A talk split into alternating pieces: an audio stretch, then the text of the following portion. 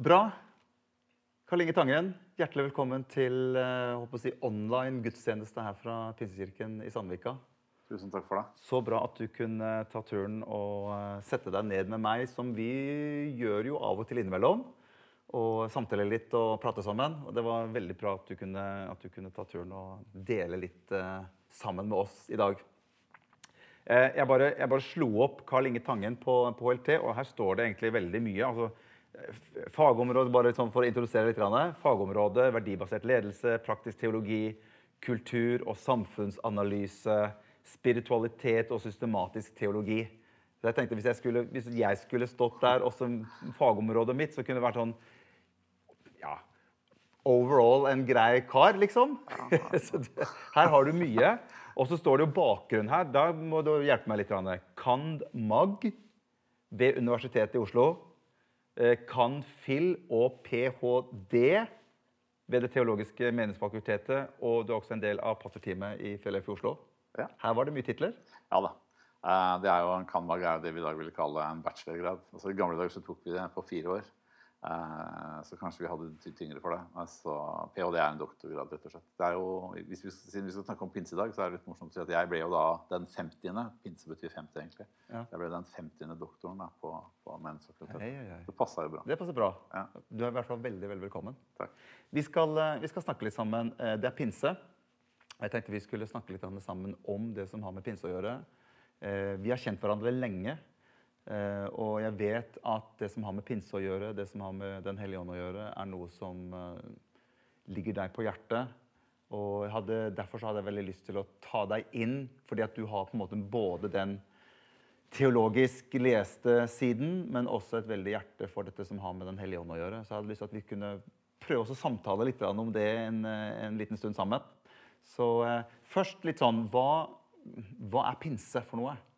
Ja, Pinsa er jo i utgangspunktet en kristen høytid, kan vi si. Eh, som kommer av det greske ordet pentekosta. Som da er et gresk ord for en jødisk fest. Som egentlig var en innhøstingsfest. Eh, som da ble feiret 50 dager ca. etter eh, påske. Og den hadde flere betydninger. På den tiden som pinsedagen kom da, eh, i Bibelen, så, så er det noen forskere som mener at det hadde blitt en høytid som man feiret. Blant annet da for å feire at Gud hadde gitt de ti bud, eller hele Moseloven, da, til Israels folk. Eh, så er det litt usikkert da om det var før eller etter, og sånt, men uh, kanskje. Ja, for at du, vi har jo veldig mange vi har jo veldig mange hva skal vi si, profetier i Gamletestamentet rundt det som har med eh, kors å gjøre, og Jesu død, oppstandelse og den siden, som på en måte da oppfylles når Jesus dør på korset og, og står opp igjen.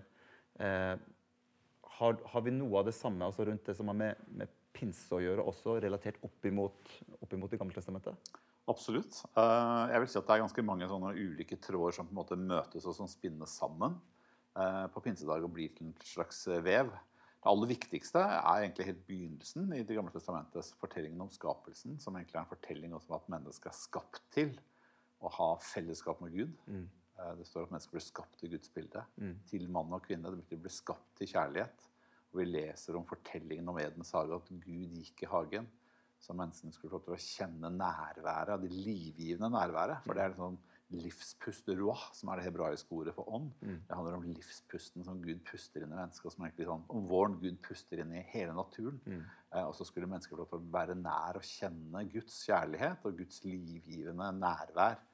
Eh, og så blir det borte, eller det tapes i syndefallet. Og så kommer det da profetier om at Gud en dag skal gjenopprette nærværet av seg selv. Og da ikke bare over liksom, konger og profeter eller mennesker som har lederposisjon, men, men over alle mennesker. Over slavene, over kvinnene som hadde lav status, ja, over slavekvinnenes døtre.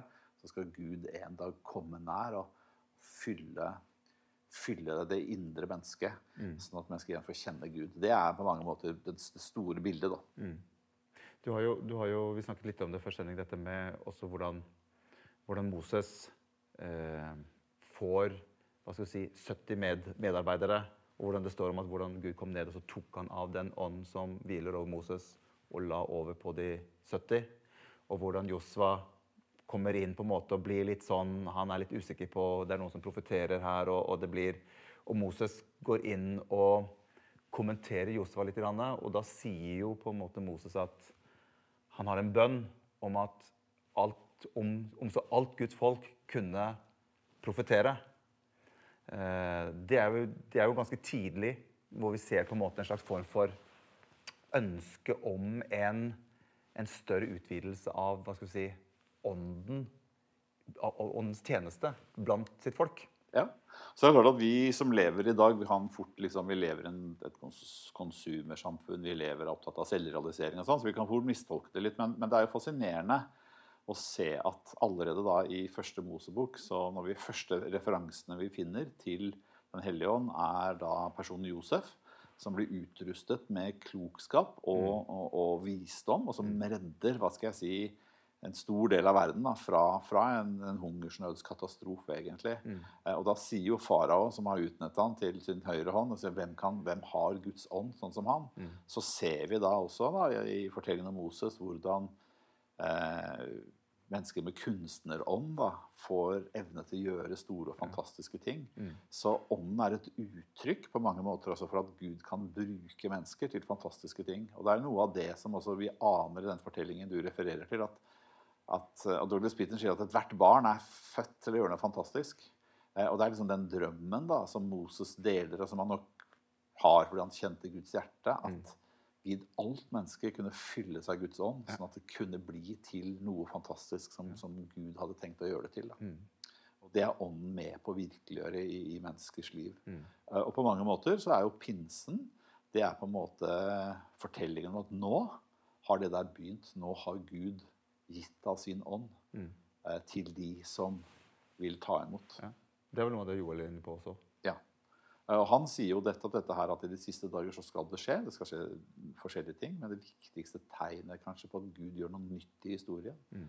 det er at han utløser sin ånd. Ikke bare over de rike, de flinke, de sterke, men også over slavekvinnene og over slavene og, og, og de som er lave. da, Fordi Gud ikke gjør forskjell på folk. Mm. Hvordan, hvordan, tenker du at uh, si, Står det noe om Asusa Street i, uh, i, i, Har du funnet noe i Bibelen hvor det står om, som kan henvise noe til Asusa Street? Eller hva, hvordan tenker du forskjellen på liksom, det du ser på pinsedag, og så går historien opp igjennom, og så, og så skjer det noe, egentlig, noe veldig dramatisk på begynnelsen av 1900-tallet? Ja, det skjer noe dramatisk på begynnelsen av 1900-tallet. Skal man forstå dette sånn historisk, um, så må man forstå at Bibelen skaper, om du vil, en, I dag når vi jobber med organisasjoner, snakker vi om visjon. på en måte.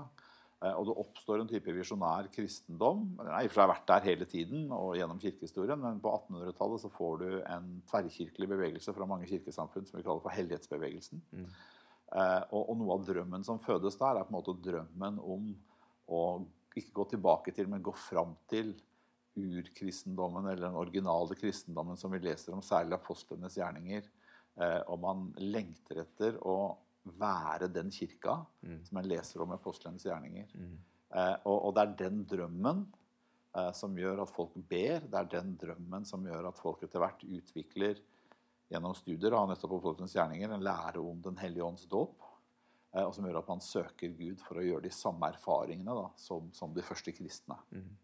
Så kan vi i dag si at ja, Den hellige ånd er, det er nok et større bilde, som også andre kirkesamfunn har øh, sett og, og, før pinsevennene oppsto. Men, men, det ligger noe i selve hjertet av denne pinsefortellingen som på en måte gjenoppdages, og som blir til en veldig kraft. Mm. Uh, og, og, og, som spesielt da får på en måte et nedslagsfelt i en uh, ja, uh, da ganske sensasjonell blanding av afroamerikansk, meksikansk og hvit middelklassekristendom ja. eh, som på en måte smelter sammen gjennom et sterkt møte med Gud i, i Azusa Street i mm. Los Angeles i 1906. Og så blir det da en stor verdensvid bevegelse ut av dette her, som vi mm. kaller for pinsebevegelsen.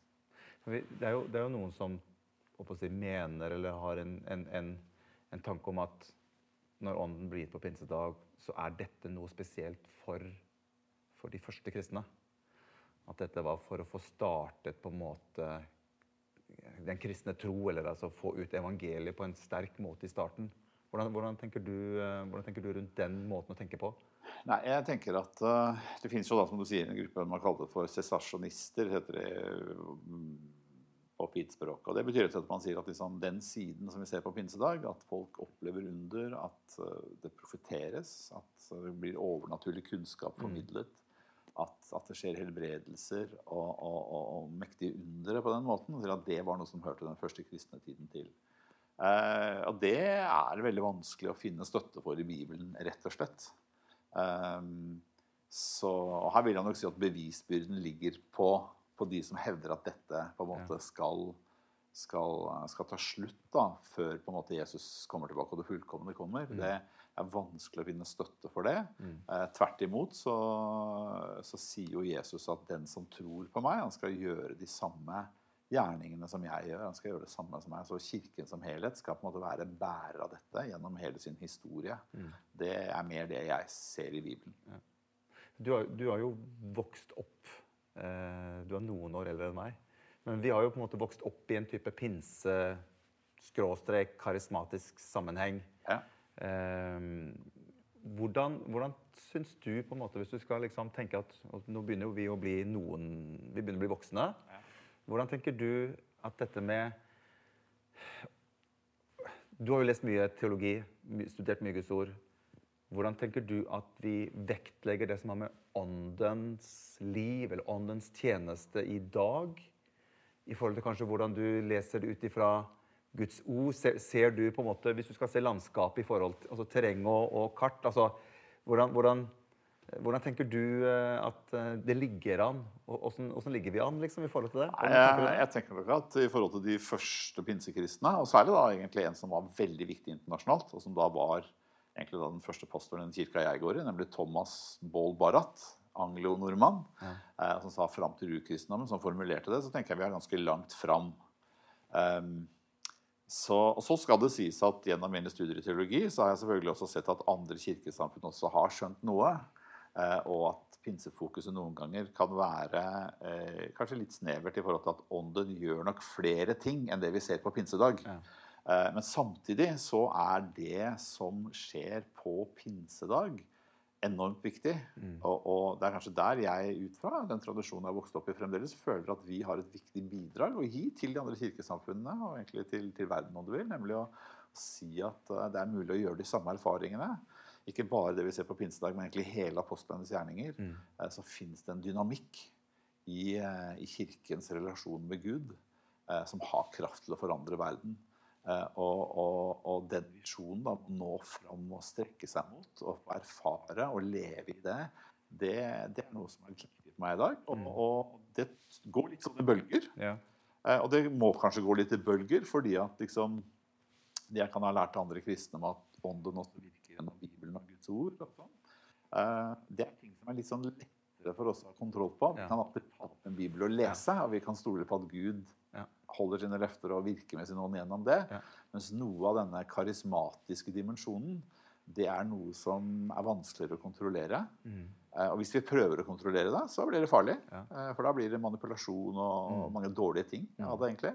Så, så, det gjør oss mer sårbare, mer mm. avhengig av Gud. Mm. Og for meg så er det samtidig det som kanskje gjør det også enda mer spennende. Ja. Jeg, jeg syns det, der er, det der er veldig spennende tema. Fordi at, og jeg synes det er interessant, og samtidig så er det utrolig utfordrende og til tider frustrerende. Eh, for du, du får den derre Det virker som at Jesus er veldig interessert når du leser Johannes kapittel 15, kapittel 16, 17 hvor han underviser disiplene sine, og hvor, hvor, klar Jesus er i forhold til dette med at det er til beste for dere at jeg går bort. For hvis ikke, så kommer ikke Den hellige ånd. Men når han kommer, så virker det som at Jesus setter den tjenesten til Den hellige ånd veldig høyt og veldig sterkt inn i hva skal vi si, individet, inn i den troendes liv og inn menighetens liv. Også ikke nok med det, men når han har på en måte sin avskjedstale før han på en måte reiser hjem, så sier han på en måte dette med at, at vent i Jerusalem. Ikke begynn altså Han sier jo 'gå ut', men så sier han fortsatt etterpå så sier han 'vent'. Altså Ikke begynn å, ikke å arbeide, ikke begynn å gjøre noe nå før dere blir ikledd kraft. For dere skal få kraft idet Den hellige ånd kommer over dere, og dere skal være mine vitner. Så han setter på en måte kraft og vitnesbyrd til en trone. Han setter på en måte de veldig tett sammen. Og det er den der tosidigheten der som jeg på en måte Jeg har også vokst opp med dette, og, og, og, og hva skal jeg si, jeg også lengter jo etter mer av å se noe av den kraftsiden som jeg ser i apostlenes gjerninger, som Jesus ga denne beskjeden til, og hvordan dette eksploderte blant de første kristne. Og da tenker jeg liksom, er det noe vi er det noe vi mister her? Er det noe vi ikke får tak på? Hva er det som gjør at disse tingene er noen ganger litt sånn utfordrende å få til å fungere på en god måte? Hva, hva, hva tenker Du Du har sikkert gjort noen erfaringer sjøl i ditt eget liv, i din egen tjeneste. Har det med fokus å gjøre? Har det med lengsel? Har det med Hva, hva, hva Ja. Ja, eh, jeg tror at eh, Det er, jo mange ting her. Og, og vi, men jeg tror sånn, fra min egen erfaring, og også ut fra hva jeg leste i Bibelen, da, så, så, tror jeg det er viktig å, å se at um, dette karismatiske livet, som ikke er det viktigste, jo, har vi også snakket om, at det aller viktigste er jo kjærlighet. Mm. Um, den kjærligheten og den kraften har en kilde. Uh, og, og, det er på en måte det jevne, vanlige livet med Gud. Um, Jesus sier jo også at han ikke gjorde noe uten det han lærte av Faderen, ja. eller far. da. Ja. Så sier han, For far elsker sønnen og viser ham alt han gjør. Så mm. Det å få lov til å leve i et uh, dagligdags livssamfunn med Gud, Vi er lærere å kjenne Gud, mm. lærer å kjenne Guds kjærlighet, og det er noe av åndens funksjon. den viser meg hvem denne Bibelens Jesus er. Mm. Viser ikke bare for hodet mitt, men også for hjertet mitt. Ja. Lære meg å kjenne Gud. Mm. Og det aller viktigste vil jeg si, ved en åndsfylt eller karismatisk kristen, eller hva du skal kalle det, det er nettopp en varhet mm. for Den hellige ånds stemme. Mm. Enten det er å si at jeg går, går bort og liksom legger hendene på noen og gjør et under, eller det er å gå bort og sitte hos det mennesket og trøste. Mm. I ikke bare de gode dagene eller den sensasjonelle helbredelsen, men vær der og elsk mennesket sånn som Jesus elsket. Ja. Og ordet martyreia, eller vitne og kraft, er jo også i Bibelen knytta til Stefanus, som nettopp på en måte da gir livet sitt for å vitne om Jesus. Så mm. kjærlighet og smerte og under og kraft, det hører på mange måter sammen. Mm. Og der tror jeg på en måte at til en viss grad, da, nettopp fordi vi lever i et samfunn av litt overfladiskhet, litt quick fix-løsninger, mm. eh, litt selvpromotering osv., så, videre, så mm så blir fort på en måte da det vi ser, det er liksom de spektakulære underne og tungetallene. dette her. Mm. Og så ser vi ikke at det handler om et dypt liv i kjærlighet til andre. Og, og, og, og skal man virkelig få tak i dette her, så må man sånn under dette litt sånn overfladiske. Men, men leve i dette livssamfunnet med Gud, mm. som også over tid bærer med seg definitivt en overnaturlig dimensjon. Ja. At ord ikke lenger bare blir ord, men de gir liv til mennesker. Mm. At man plutselig sitter i en samtale som vi sitter nå, og så kan du se ting inn i menneskers hjerter eller fortelle dem noe som de ikke visste, og som mm. da, der og da blir til hjelp for dem. Mm. Og det er ikke det liksom noe man søker fra Oi, kan jeg gjøre noe sensasjonelt? Men det er mer sånn Jeg har lært å kjenne Guds kjærlighet. Jeg har lært å kjenne Guds kjærlighet til deg som jeg snakker med. Og så får jeg lov til å være der og tjene deg. Mm. Og det er det liksom Den hellige ånd er sendt for å gjøre. Så når det livet vokser fram litt sånn på, på dyp i hjertet, mm. så, så, blir vi liksom ikke avhengig av det sensasjonelle heller. Mm. Men nettopp da kan Gud la det skje, da. Mm. Og der tenker jeg at det, det, det tenker jeg er en stor forskjell i måten å hva skal vi si, i, i mange er dårligere å altså, søke det på. Men samtidig så sier Bibelen at du skal søke. altså Paulus snakker om dette med strev eller søk etter åndelige gaver. Mm. ikke sant? Og så han, han, Bibelen oppfordrer oss til det og ønsker jo at vi skal på en måte kunne bevege oss i det. Men som du sier også, så sier han etterpå men det er en annen, bedre vei. At hvis dere søker dette uten å ha det riktige motivet i det dere holder på med, altså kjærligheten, så blir dette bare støy. Dette blir gærent. Og der tenker jeg kanskje at vi sliter som mennesker, for vi har veldig lett for å søke det sensasjonelle. Ja. Altså eh, kraften altså, vi, I Bibelen så ser du at folk er villige til å betale penger for det. Ja. For å få, få, få, tak på det. Og der bommer vi, tror jeg. For at Jesus han ble, han ble beveget av noe. Når han så de syke, når han så mennesket, så var det noe på innsiden hans som ble rørt. Og Derfor så tror jeg nok også at Bibelen snakker om dette med at disse tegn skal følge dem som tror. Det er ikke noe vi i utgangspunktet skal jage foran oss, men når vi gjør det på en måte som Gud kaller oss til i utgangspunktet, å få se mennesker og individer fra Guds side, så tror jeg nok han Men, men det koster noe. Ja da, og, og, det er jo, og det er jo Hva skal jeg si eller For å starte med umodigheten, da, for Det er et veldig viktig poeng dette her med at det, det har et utgangspunkt, vil jeg si. da, som du kaller koster noe, Men umodenheten er jo litt sånn nådens paradoks. Gud bruker oss til å hjelpe andre, Ja. Selv om vi egentlig nesten ikke har godt av det. Nei. Så De første gangene liksom, jeg la hendene på folk, og de ble friske, eller så ting, overnaturlige ting skje, så var det sånn Wow! Ja. Jeg ble så opptatt av meg selv på en måte. At Gud brukte meg. Mer enn at liksom var glad for at andre folk ble hjulpet. Da, da, da tåler du ikke så veldig mye av det Mm. Nei, før du liksom blir høy på deg selv. Nei. Det ser du også i Bibelen. At det er sånn det var med de første disiplene Mm. også. Uh, Kan det være et problem for oss for å vedvare i noe av dette? Ja, det tror jeg. Eh, Jeg tror sikkert jeg hadde opplevd mer av det hvis jeg hadde klart å utvikle mer sånn modent, modent forhold til dette, og selvfølgelig også en sånn mer grunnleggende tjenende holdning til, Mm. til andre. Mm. For du kan si at det de aller første pinsekristne gjorde, det var sånn som TB Barat, for eksempel, som jeg nevnte i stad. Han sa jo liksom at når han søkte Gud, så sånn overga han seg til Gud. Mm. Med prisen nemlig det at liksom Jeg er ikke lenger på en måte min egen eiendom. Gud, du kan sende meg hvor som helst. Ja. Så kom og så, så, så, så, så ga han fra seg ganske sånn sterk, rørende passasje i hans erindringer, som er på en måte selvbiografien. Så han tok jeg alle mine kjære én for en og la dem til Gud, så du kan sende meg hvor som helst. Mm. Men så når ånden da kommer over ham, så kommer ånden og gir han kjærlighet til disse barna. Så han ber for hver enkelt en med Ja. navn. Han ber for hvert land han har overgitt til. Mm. Han, han på en måte får tilbake noe. Mm. Så, og det er også det slitsomme. Hvis jeg skal si, dette er de gangene jeg selv har opplevd mest av disse gavene som man ser på pinsedag og apostelens gjerninger. Så er det liksom å leve overgitt til Gud. Og det er også en litt sånn slitsomhet. Så Mm. noen ganger så kan jeg si at nå har jeg bare behov for ikke å fungere i det. Jeg har behov for å sette meg ned med cola, pizza, Champions League og være 100% sikker på at Gud ikke taler. Fordi at liksom Det er noe med at liksom, når du har vært borti og smakt på noen av disse tingene, Ja. så, så er det Du kan bli litt sånn, sånn høy på deg selv. Mm. Selv om det er jo ofte også frustrasjon over at det ikke skjer mer. Mm. Altså, men du kan også på måte, det, er, det er noe her på en måte sånn, du nærmer deg på en måte mysteriet, som er fantastisk, og som du liksom heller på en måte sånn Wow. Eh, Begrensa hvor lenge jeg orker å liksom bare sånn leve i det av gangen. da, Sånn Ja. veldig sterkt. Men det må jo være noe av dette som, som skal være Den hellige ånds si, oppgave, tenker jeg da, samtidig òg. Ja. I dette livet med å få tak på altså denne, denne overføringen som jeg tenker Den hellige ånd altså, liksom, Jesus snakker om han at når han kommer, så skal han ta av det som er mitt, og så skal han gi til dere. Altså den, han har en overleveringsjobb for oss som troende at det er jo Den hellige ånd som er nødt til og jeg har brukt det skriftstedet ganske mange ganger, dette med at eh, det står om at dette, dette, det, det intet øye har sett, det intet øre har hørt, det som ikke har kommet opp i noe menneskets hjerte, det har Gud åpenbart likevel. Altså, Ja. Vi har vært veldig opptatt med våre fysiske øyne og våre fysiske ører, men likevel så har Ånden åpenbart det for oss i vår ånd. Altså den derre overføringsjobben som Den hellige ånd må ha i våre liv.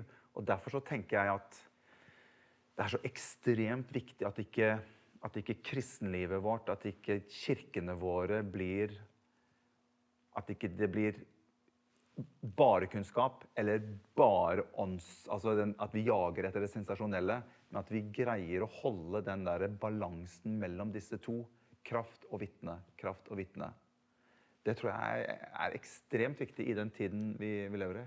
Ja, og det er jo da kanskje pinsekristne som da har liksom forbundet på en måte eh, åndens ånden mest med det spektakulære. Jeg må også si at ånden er i det andre også. Ja, det er jo det. Eh, jeg, og det har man kanskje lært av andre kirkesamfunn, men, men, men altså, min sånn sterkeste metafor Man må ofte bruke bilder da, eh, når man skal beskrive Gud. Fordi han, han er lik, men han er samtidig annerledes. Han er en far for oss, men han er samtidig mer enn en far. Mm. Han kan ha egenskaper som en mor, som det står i Bibelen. ikke sant? Så, så, så Gud er alltid større enn en våre bilder og metaforer.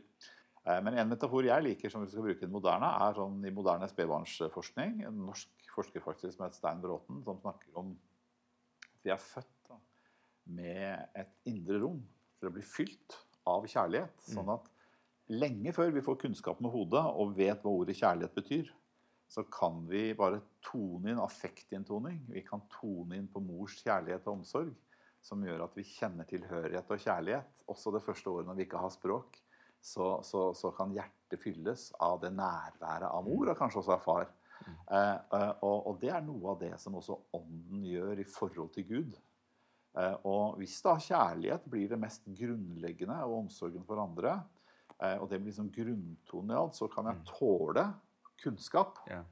Og jeg kan tåle også de gangene så kan vi si Det skulle skjedd mye mer under enn det som skjer, men Mm. de gangene jeg opplever da at Gud gjør noe overnaturlig gjennom meg Fordi at det handler ikke om kunnskap og kunnskapens skyld. Det handler ikke om det overnaturlige for overnaturlighetens skyld, men det handler om, at, handler om å elske Gud og elske mennesker. Mm. Sånn som Jesus viste oss det. da. Mm. Hva, hva, hva gjør du liksom i ditt eget liv som leser såpass mye som du gjør? Altså, hva, hva gjør du i, måte, på å prøve å balansere dette litt sånn i, i din eget liv og tjeneste? Jeg opplever liksom sånn at hver dag eh, så Det er ikke engang klarer det hver dag, men hver dag så tenker jeg at jeg prøver å ta en liten stund hvor jeg får sette meg ned og lytte til Gud. Og da bruker jeg ofte Bibelen, da, sånn se hvor han taler til meg. Og hvor jeg kan overgi meg, på en måte. Og ikke bare dundrer i vei med mine egne intellektuelle studier, på en måte. Fordi at det, det kan fort bli litt sånn, sånn bare min egen innsats og en egotripp. Eh, og heller noe annet. Jeg prøver sånn at Det første jeg gjør, det er å overgi meg. Ikke sånn dramatisk som bare at nå legger jeg fram alle barna, liksom. Men eh, rett og slett sånn, her er jeg Gud. Mm. Eh, forsøker å lytte inn Han. Mm. Eh, hører litt på lovsang. I Mm. dag har vi jo Spotify og andre ting, selv om det kommer litt reklame innimellom. Men jeg tenker det er greit, for da holder jeg meg litt sånn på jorda. Eh, og få lov til å bare sitte og ta imot fra Gud først, og så Ja. overgi meg til Gud og si det jeg i dag gjør, på en måte, det, det gjør jeg troen på at du kan jobbe gjennom meg. Mm. Eh, og da kan det være helt Eller ikke bare helt, det er de aller fleste dagligdagse ting. Mm. Det å går så hadde jeg vært 16. mai på hytta, så det første jeg gjorde på 16. mai, det var å vaske hytta før vi dro hjem for å feire 17. mai. Eh, og jeg tenker at det å da tjene familien sin på den måten at vi Mm. kunne Det å sette seg ned og prate med barna sine når du får en gang sjansen for det, og mobiltelefonen er borte. Eh, det å være der for kona mi eh, når jeg er det, så tenker jeg at det er en del av det å tjene Gud og, og være i hånden. Det er liksom egentlig akkurat det samme som om Gud skulle ha bedt meg legge hendene på og be for deg nå. Så er det liksom et sånt helt liv Mm. hvor jeg tjener andre i Guds kjærlighet. Men for meg, og det er ikke, jeg er ikke alltid jeg er flink nok, jeg kan bli opptatt av et eller annet på internett, eller et eller annet, men Ja. jeg prøver å starte hver dag da, med å lytte inn Mm. den der inntoningen fra Gud, Mm. og så gi meg til Han og si 'Her er jeg'. Mm. Nå får du bruke meg til det du vil. Mm. Hva lengter du etter eh, for, for morgendagen? Er det noe du liksom går og kjenner på, eller tenker liksom at åh, dette er, jeg lengter etter mer av dette, eller Ja, eh, det er sånn, nå er jeg blitt en gammel mann. Eh, jeg, hvis jeg sier at setter ord på én ting, så er det først og fremst faktisk nå for meg Mitt største ønske men også min største frykt er knytta til det jeg ønsker å være trofast mot det som Gud har gitt i livet mitt, og forvalte de gavene som Gud har gitt meg, på Mm. en god måte. Jeg søker fremdeles mer. Eh, men jeg opplevde det som ung kristen at jeg ba, og så opplevde jeg Gud svarte meg. altså, ja, du ber om mer, men hva har du gjort med det du har fått? Ja. Eh, så for meg til å være en god forvalter av det som Mm. Gud har gitt meg, Bra. og trofast i det, ja. eh, det er på en måte Og min største frykt er å ikke være trofast. Og så Mm. tror jeg det er også sånn at eh, som det står Jesus sier, den som er tro i lille, lite vil jeg sette over mer. Mm. Så jeg tror på en måte at veien på en måte til et liv hvor du opplever mer av alle sider med Gud Ja. Men det blir altså en sånn blanding av mer smerte også. altså Ja. Mer av den lidende kjærligheten for andre, og Mm. kanskje mer av denne kraften til å virkelig se at Gud hjelper dem der og da. Det tror ofte vokser sammen. Mm. Jeg tror det handler om å gå dette normale livet med Gud og være trofast i det. Og så finnes det også en side som jeg opplevde i Pinsekirken her. ikke sant? Jeg var her, din far Tom hadde nevnt å be for mennesker. Så det, også, det skjer en sånn forløsning Mm. som er sånn vanskelig å forklare. Ja. Men det er noen som har fått en gave til å be for andre. sånn at når jeg da ble opplevde på en måte pinsedagsunder med det tunger, så gjorde jeg det i Pinsekirken. Så det betyr også at i tillegg til denne livet med Gud, så prøver, prøver jeg jo også på en måte Men det er naturlig for meg eh, ikke sant? Å, å, å omgås med mennesker som Mm. på en måte har noe av dette. Ja. Og som på en måte smitter det da, Ja. på en god måte. Ja. Um, for der er på en måte en sånn Guds veier er på en måte litt sånn som det står da, bibelske bibelsk ord uransakelige. Det betyr de er vanskelig å forstå. Vi, vi fatter ikke helt. Gud har noen veier. Så det vi kan gjøre, er å leve med Gud, og så er det Mm. posisjonere seg nær mennesker som Mm. har noe av dette her. Eh, og som man har tillit til, og som ikke gjør det bare for liksom, sin egen skyld eller for å liksom, oppleve sensasjonelle ting. Men du merker at her er det en kjærlighet til Gud, en kjærlighet til mennesker, en kjærlighet til kirker som driver dem. Å være der i det fellesskapet, da, da, da tror jeg på noe. Jeg har egentlig så enkel tillit til Gud at da skal jeg være enkel og vandre enkel og trofast, så vil alt det Gud har tenkt, skje. Så banal og enkel er troen min egentlig. Selv om jeg er doktor. Veldig bra. Ja. Karl Inge, tusen hjertelig takk for at du tok tiden å komme hit og besøke oss. Det satte vi veldig veldig pris på. Du Takk for er det. Veldig hyggelig å være her. hjertelig velkommen tilbake igjen. Gud velsigne deg. Takk.